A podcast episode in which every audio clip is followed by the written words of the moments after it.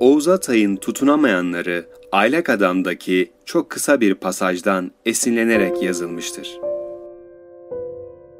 Edebiyat tarihine unutulamayacak bir iz bırakan tutunamayanların ilham kaynağı olan o pasaj.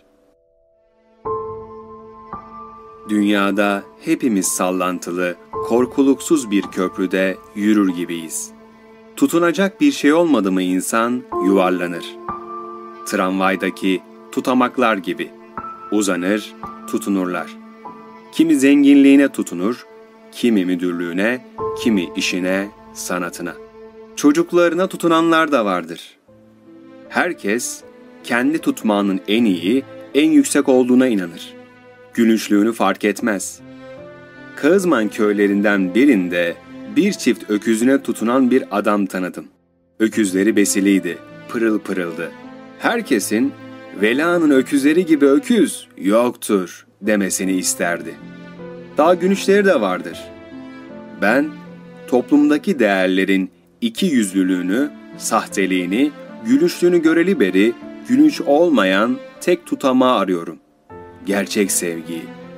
Bir kadın, birbirimize yeteceğimiz, benimle birlikte düşünen, duyan, seven bir kadın. Oğuz Atay roman bittikten sonra ilk olarak Aylak Adam'ın yazarı olan Yusuf Atılgan'a göndermiş kitabı. Yusuf Atılgan bir dönüş yapmayınca kırılmış haliyle. Çünkü kendi yazdığı bir pasajdan 700 sayfalık bir dünya sunmuş Yusuf Atılgan'a ve hiçbir geri dönüş alamamış. Yakın çevresindeki bir arkadaşına kitabımla ilgilenmedi demiş. Yusuf Atılgan ise bu olayı Oğuz Atay'ın vefatının ardından öğreniyor. Ve diyor ki, tutunamayanları çok beğenmiştim. Ama böyle bir kitabı yazan birinin benim yorumuma ihtiyacı olmadığını düşünmüştüm.